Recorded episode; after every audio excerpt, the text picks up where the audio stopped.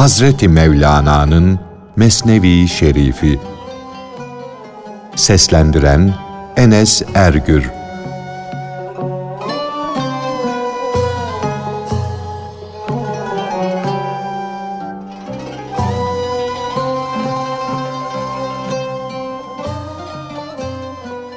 Geveze adamın birinin her sabah bir kuyruk parçası ile bıyığını yağlayıp dostları arasında şunu bunu yedim diye övünmesi.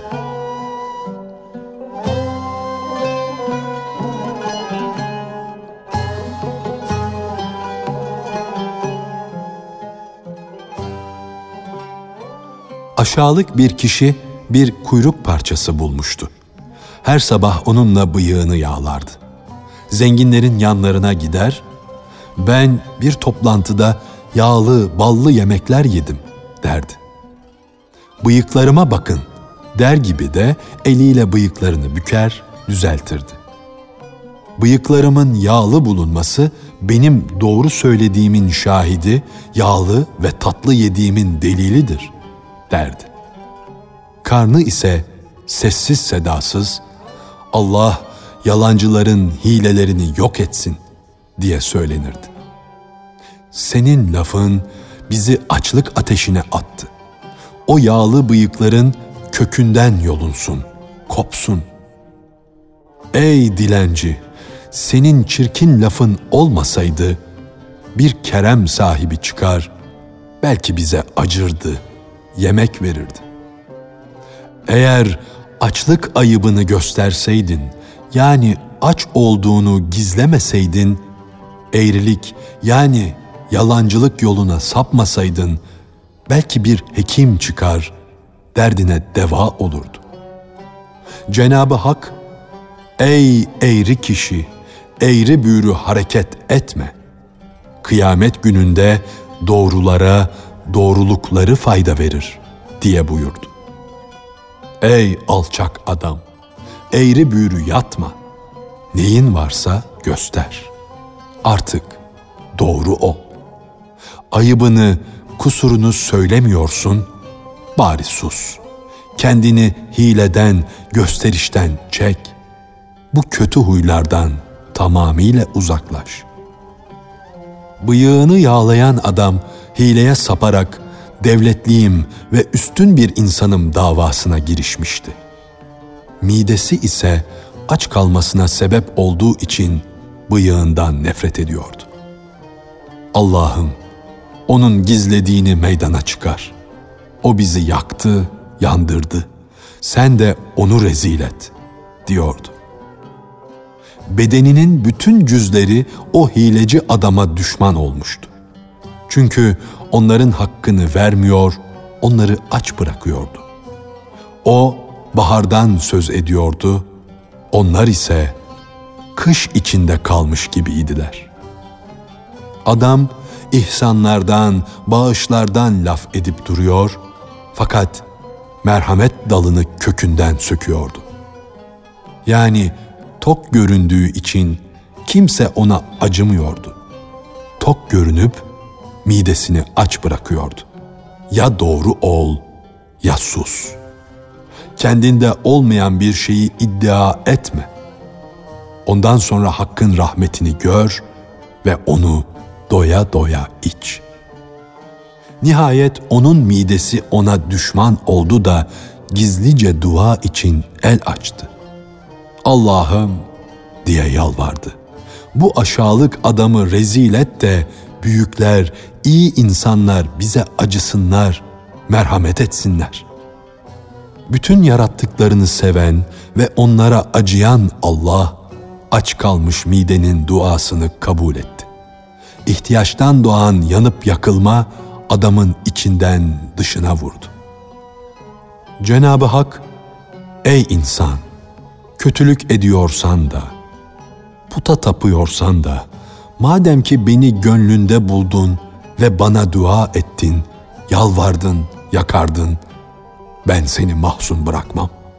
Duanı kabul ederim diye buyurdu. Sen duaya sımsıkı sarıl, yalvar, yakar.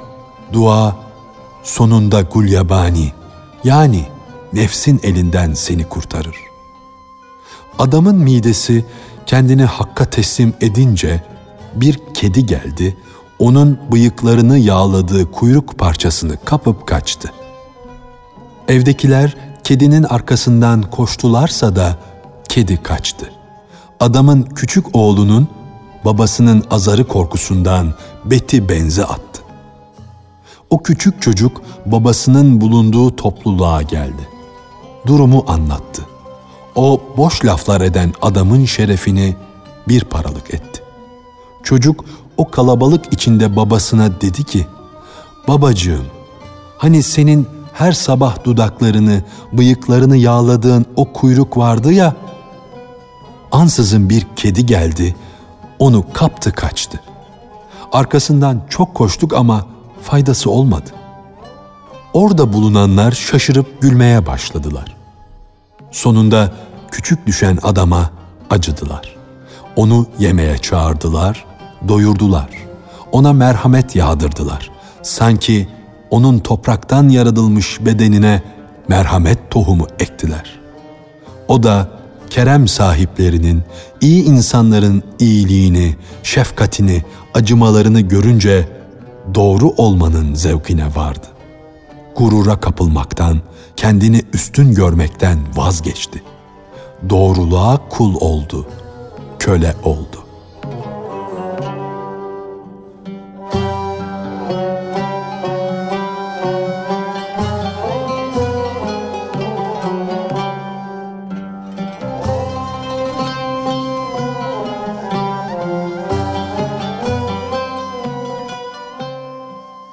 Yolunda çok imtihanlar ve çok imtihan mihenk taşları vardır.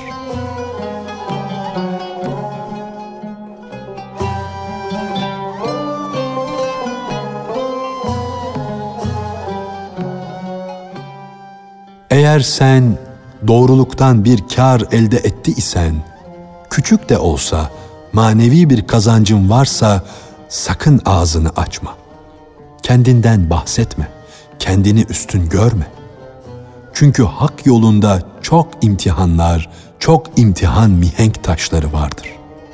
Birçok hususta seni deneyen imtihan mihenk taşlarına bile imtihanlar vardır.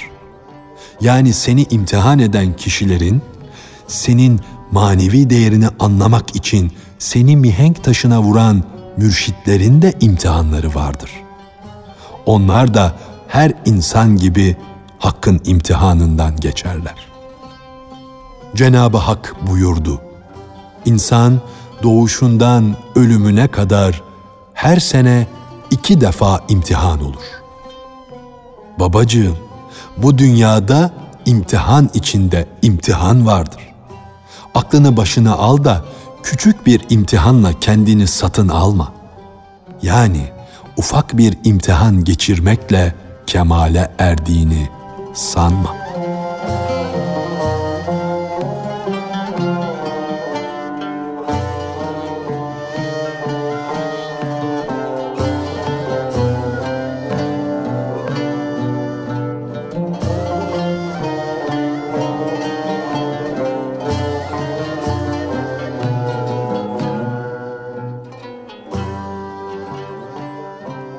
Harut ile Marut'un hikayesi ve onların Hak Teâlâ'nın imtihanına karşı yiğitlik taslamaları.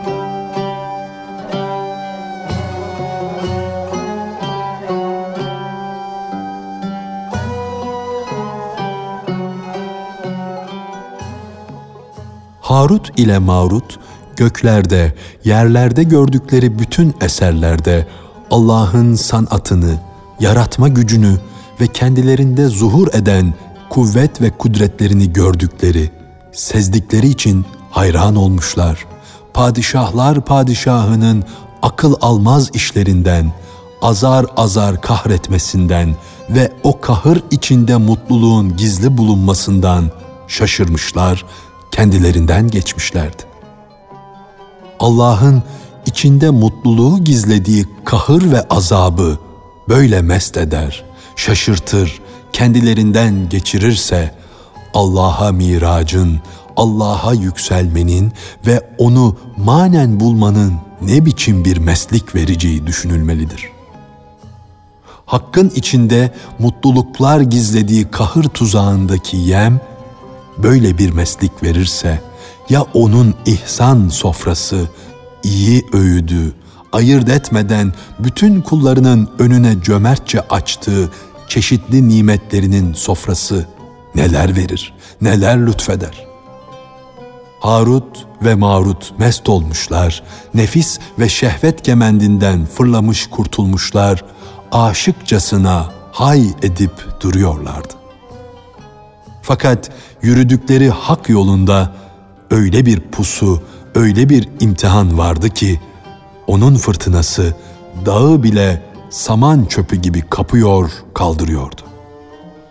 Hakkın imtihanı onları alt üst ediyordu ama mest olanın böyle şeylerden haberi olur mu? Benim gibi sen de şehvet mesti olanı deve üstünde seyret. Dünyadaki bu şehvet sarhoşluğu da meleklerin sarhoşluklarına karşı pek azdır. Çünkü dünyadaki şehvet sarhoşluğu cismanidir, bedene aittir. Meleklerin sarhoşluğu ise ruhanidir. Melek sarhoşluğu şehvet sarhoşluğunu giderir. Çünkü erkeklik ve dişilik nedir? Bilmeyen melek nasıl şehvete kapılabilir? Ey gafil! Sen tatlı su içmeyince acı su sana gözdeki nur gibi hoş gelir. Gök şarabının bir damlası insanı şaraptan da vazgeçirir, sakiden de dünya güzelliklerinden de. Artık sen düşün, meleklerin ve ilahi celalden, Rabbani tecelliden etkilenmeyen, pak olan tertemiz ruhların mest oluşları, kendilerinden geçişleri nasıldır? O tertemiz ruhlar gök şarabının kokusuna gönül bağlamışlar da dünya şarabının küplerini kırmışlardır. Ancak ümitsiz bir hale düşenler gök şarabından bu ilahi şaraptan uzak kalanlar kafirler gibi kabirlerinde gizlenerek rahmetten meyus olmuşlardır. Onlar iki dünyada da ümitsizliğe düşmüşlerdi. Hadsiz, hesapsız dikenler ekmişlerdir. Yani her biri diken gibi ona buna batmış, insanları üzmüş, kötü işler işlemişlerdir. Yeryüzünde işlenen kötülükleri, zulümleri, günahları, dökülen kanları görünce Harut ile Marut manevi mesliklerinden yazıklar olsun dediler. Keşke biz de yeryüzüne rahmet yağdırsaydık. Yani yeryüzüne adalet ve huzur getirseydik. Şu günahlar ve zulümler yurdu olan dünyaya adaleti, sevgiyi, insafı, merhameti, ibadet ve vefayı yerleştirseydik. Onlar bu sözleri söylediler ama ilahi kaza ve kader de durun dedi. Ayaklarınızın önünde pek çok görünmeyen tuzaklar var. Çünkü bu yolda ölenlerin saçlarından, kemiklerinden yollar kapanmıştır da Vahdet Vadisi'ne giden yolcular ayak basacak yer bulamıyorlar. Yol baştan başa kemik, saç, sinir dolu. O yolda Allah'ın kahır kılıcı nice varları yok etti. Cenab-ı Hak Allah'ın lütfuna, inayetine kavuşmuş kullar yeryüzünde yavaş yürürler diye buyurdu. Yalın ayak bir kimse bir dikenlikte durarak, dinlenerek, düşünerek, sakınarak, çekinerek yürüyebilir.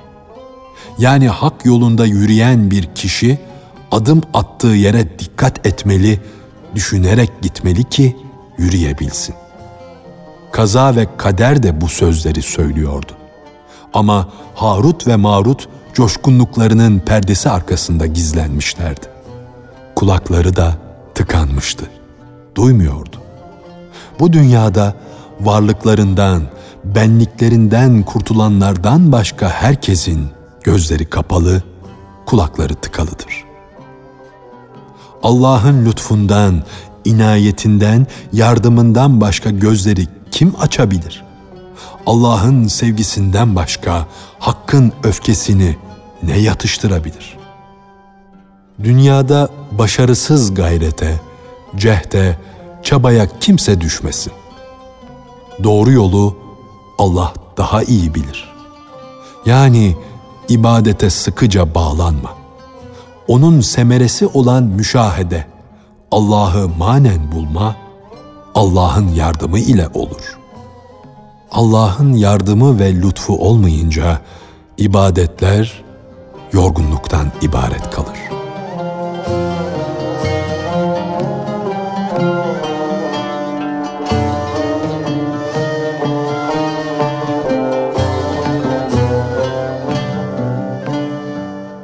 Hazreti Mevlana'nın Mesnevi Şerifi Seslendiren Enes Ergür